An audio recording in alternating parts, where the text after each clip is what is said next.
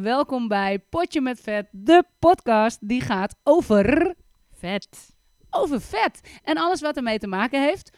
Mijn naam is Danielle, ik ben 49 jaar, ik ben personal trainer en hier naast mij zit... Marjan. En ik ben eh leidend voorwerp van deze personal trainer. Al heel lang. En, en we hebben er nog één en die zit daar tegenover mij. Hoi, die Leila hier. Oké, nou, de vorige keer hebben we het gehad over eh, trainen. En eh, we hadden ook gevraagd of er eh, vragen waren. En tot ons grote plezier, ja hoor, waren er wat vragen. Dus ehm Marjan, weet jij nog wat de eerste vraag is die, die we gaan behandelen? Ja, de eerste vraag die we gaan behandelen is eh, ehm, de combinatie voeding en trainen.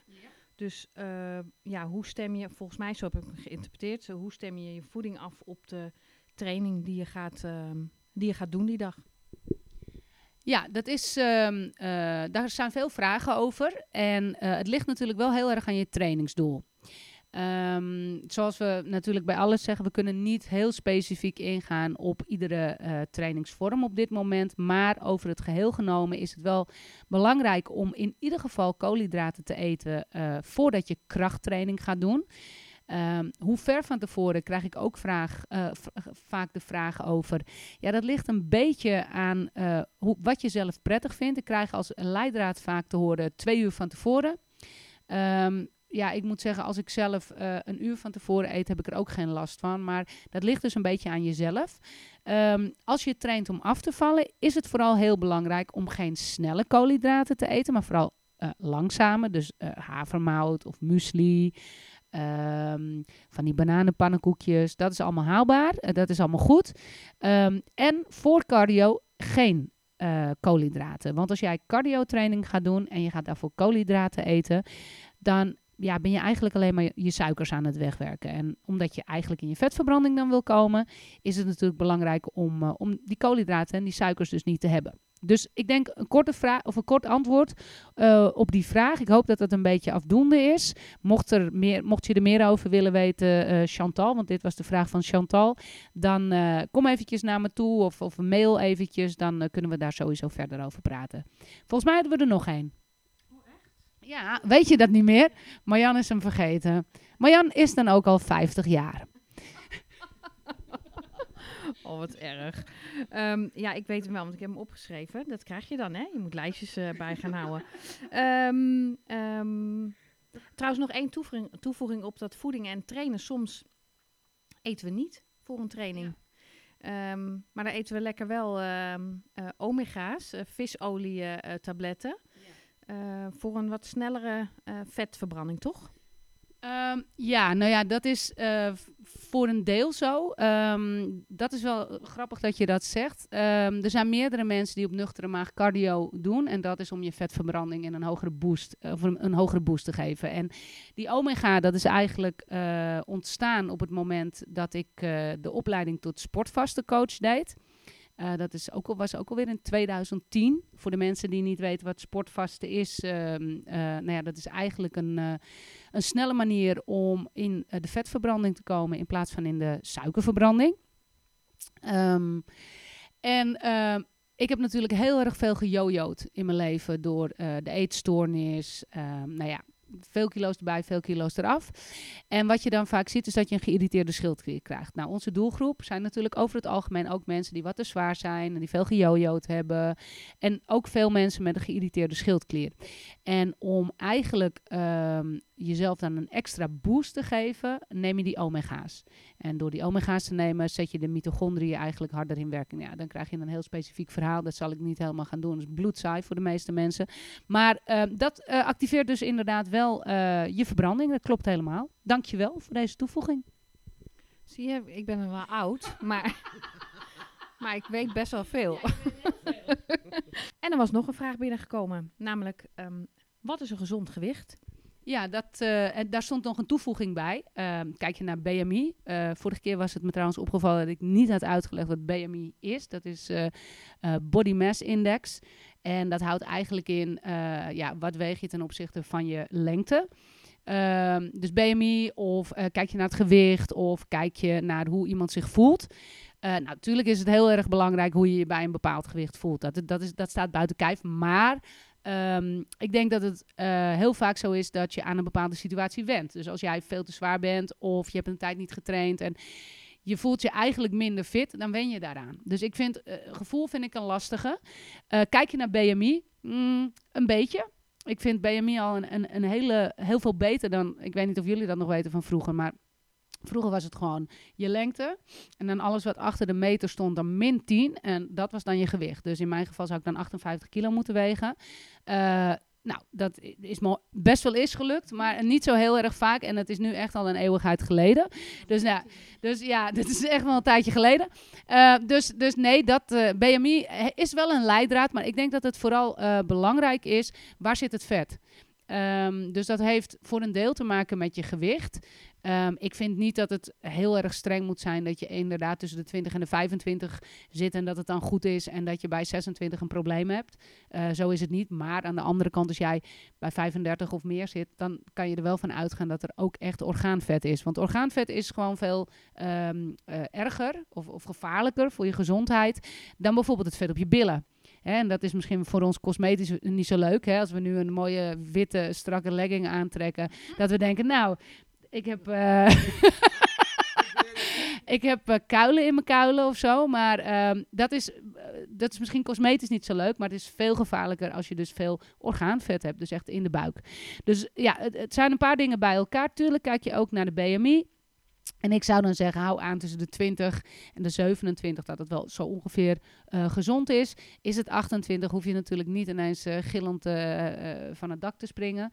Um, maar kijk vooral ook, waar zit het vet? En dat is denk ik een mooie leidraad om te kijken um, of je een gezond gewicht hebt. Nou, die lijn hebben wij nog even te gaan. Nou, zeker. even detail, detail. nou, dan gaan we maar meteen door met gezond eten, hè? Wat heb je?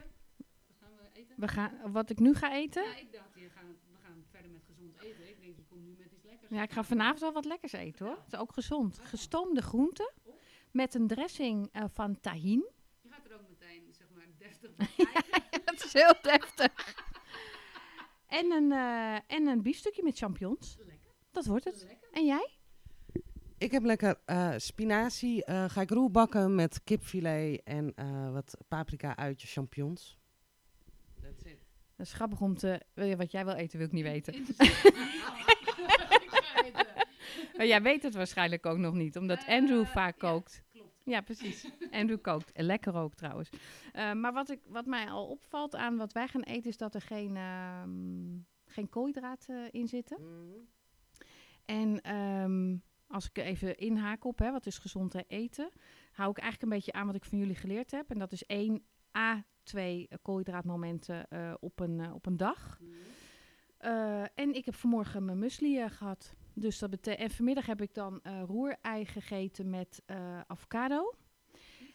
Ja, goed hè, goed hè.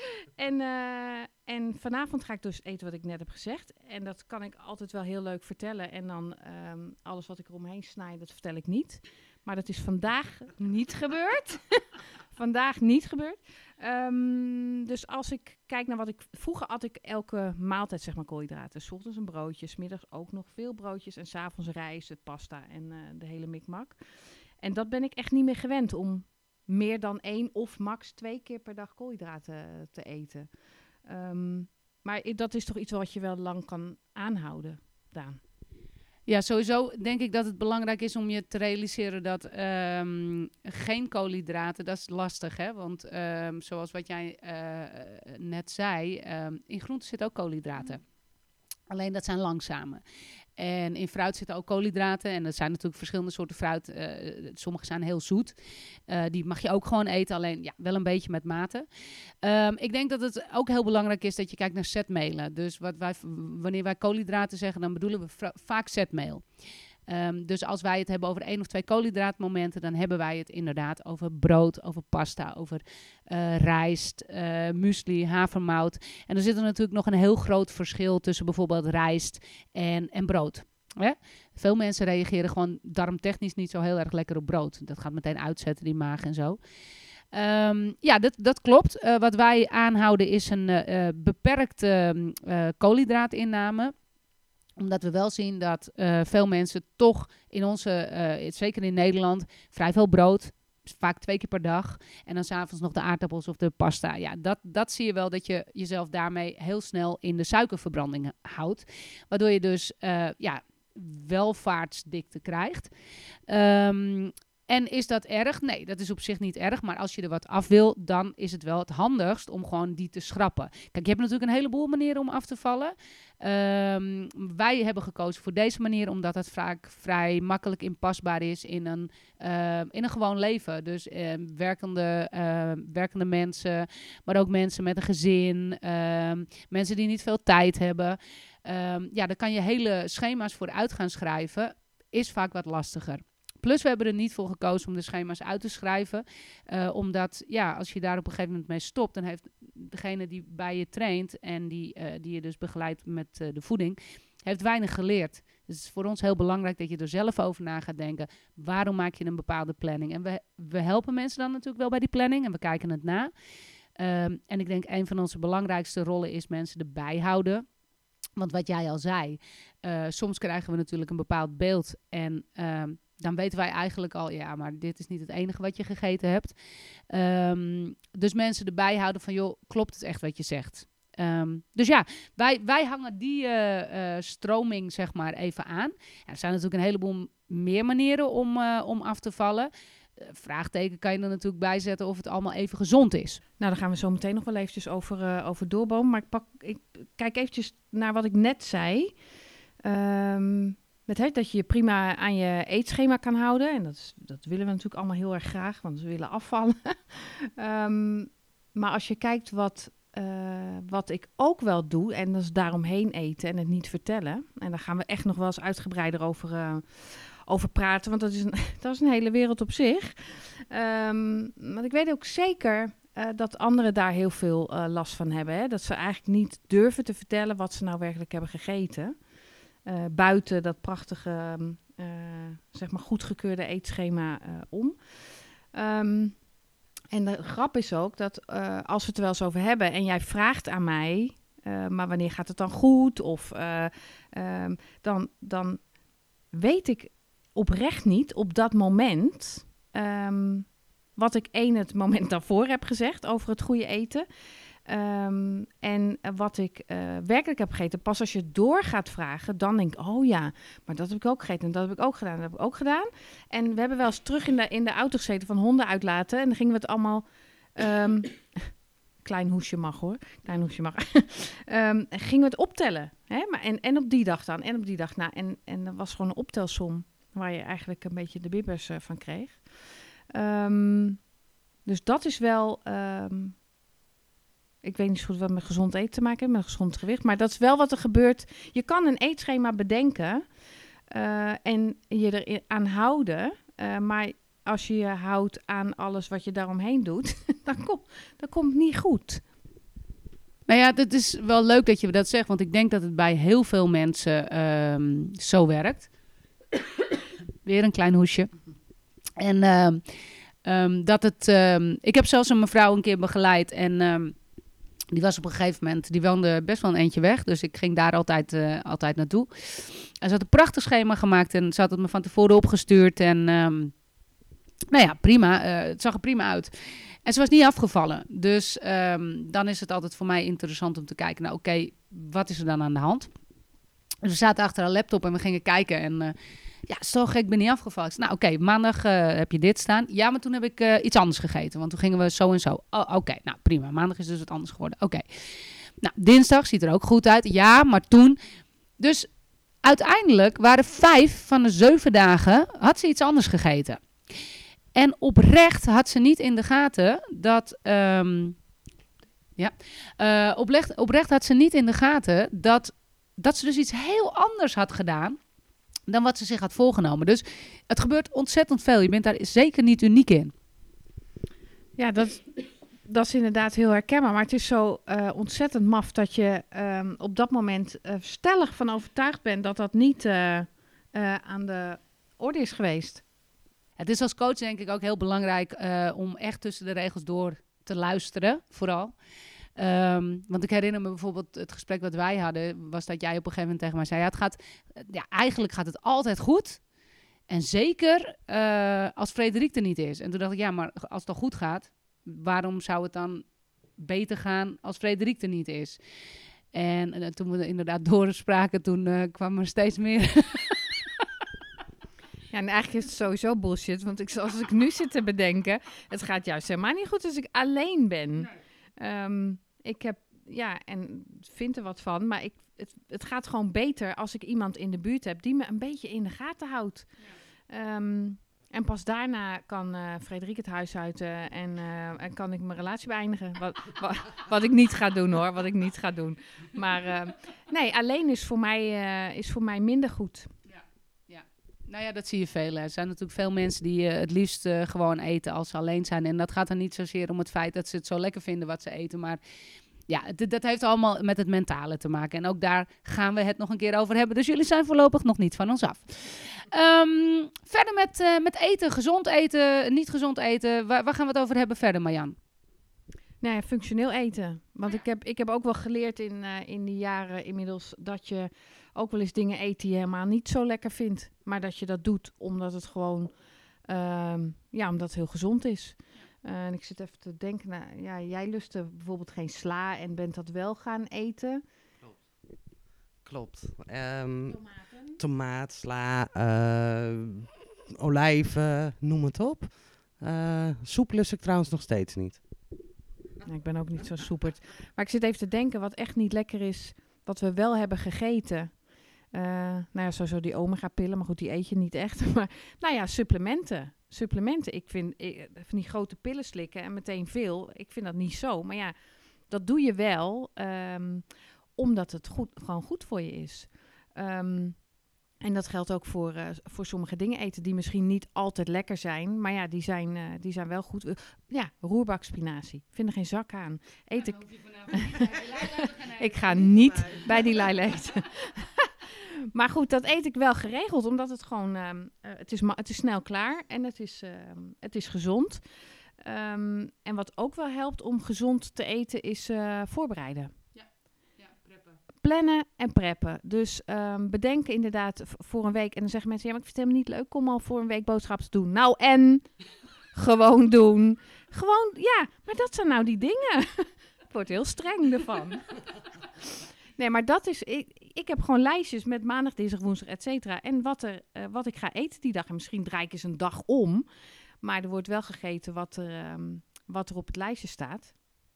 Uh, en voorbereiden. Zodat als ik um, zin krijg in iets, um, in een andere lunch. Bijvoorbeeld, ik heb wel zin in twee boterhammen, maar er staat een klaargemaakte salade. Dan pak ik toch echt die salade.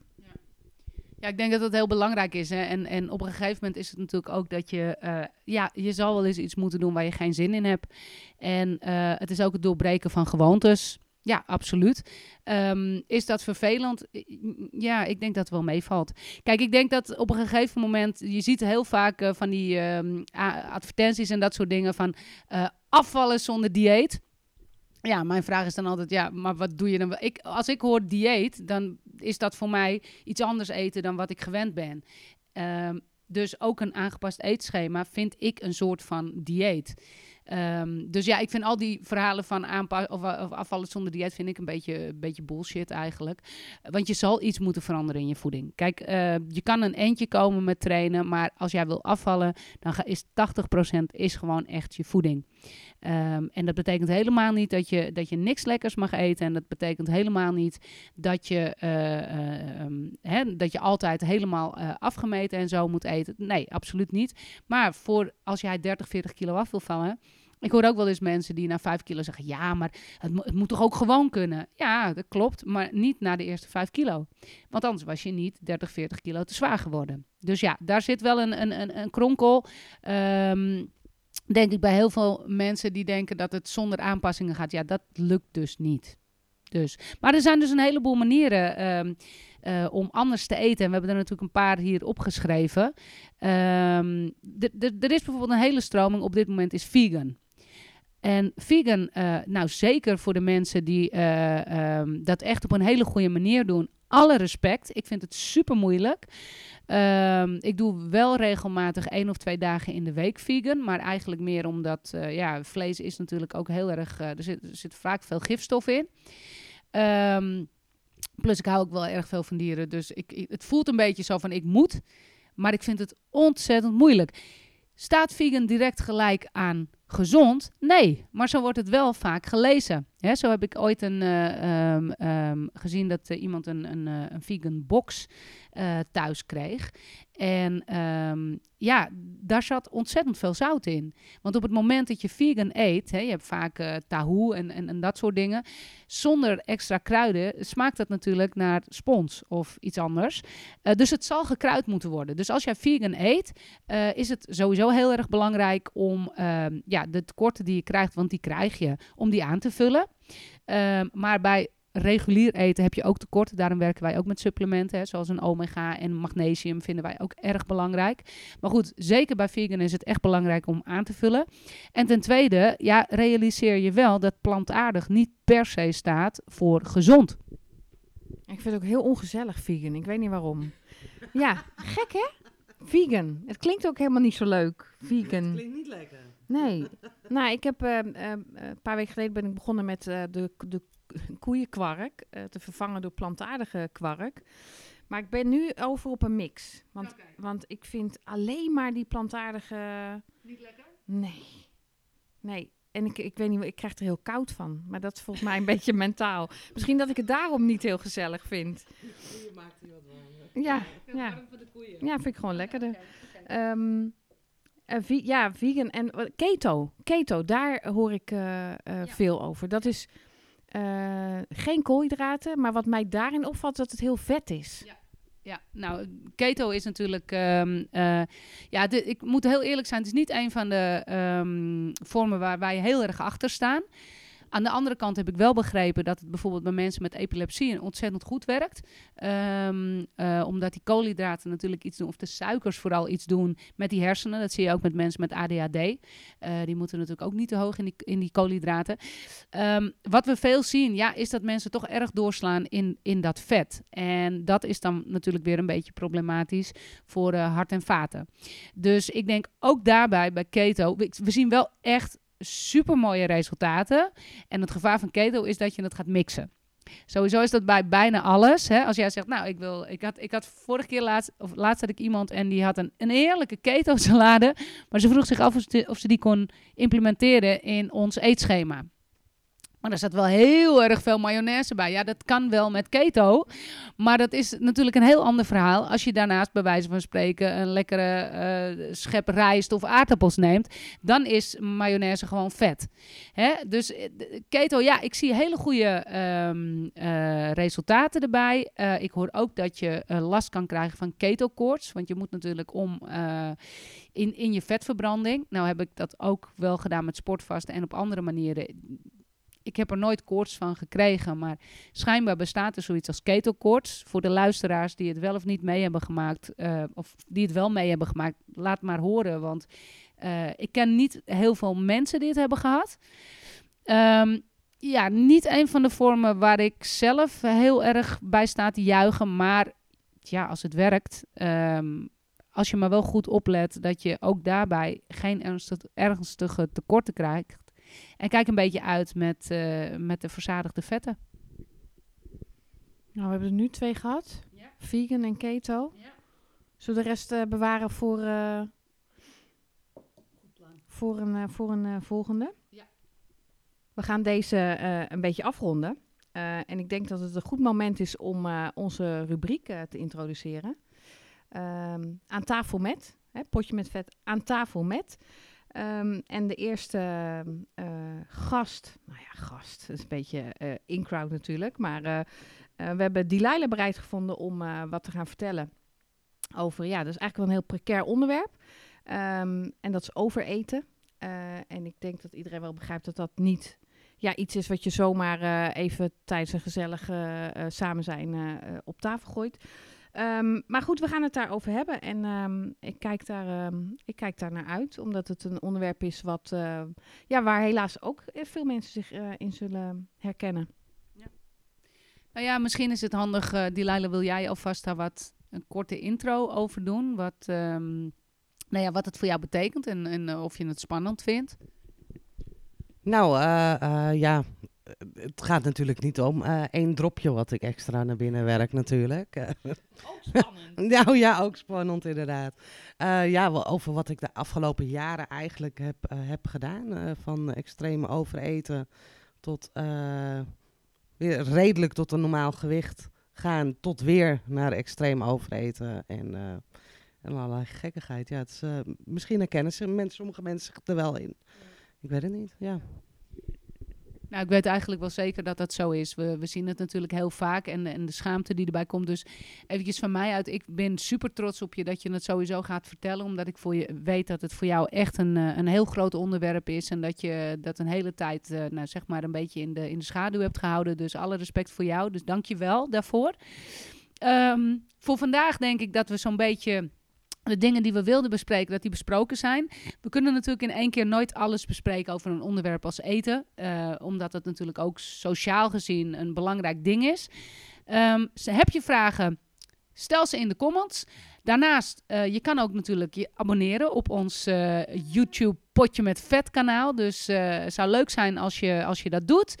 En uh, deel de podcast zoveel mogelijk, want we zouden het heel leuk vinden als we een uh, nog groter bereik krijgen. En uh, iedereen weer super bedankt voor het luisteren. Ik zou zeggen tot de volgende keer. Tot de volgende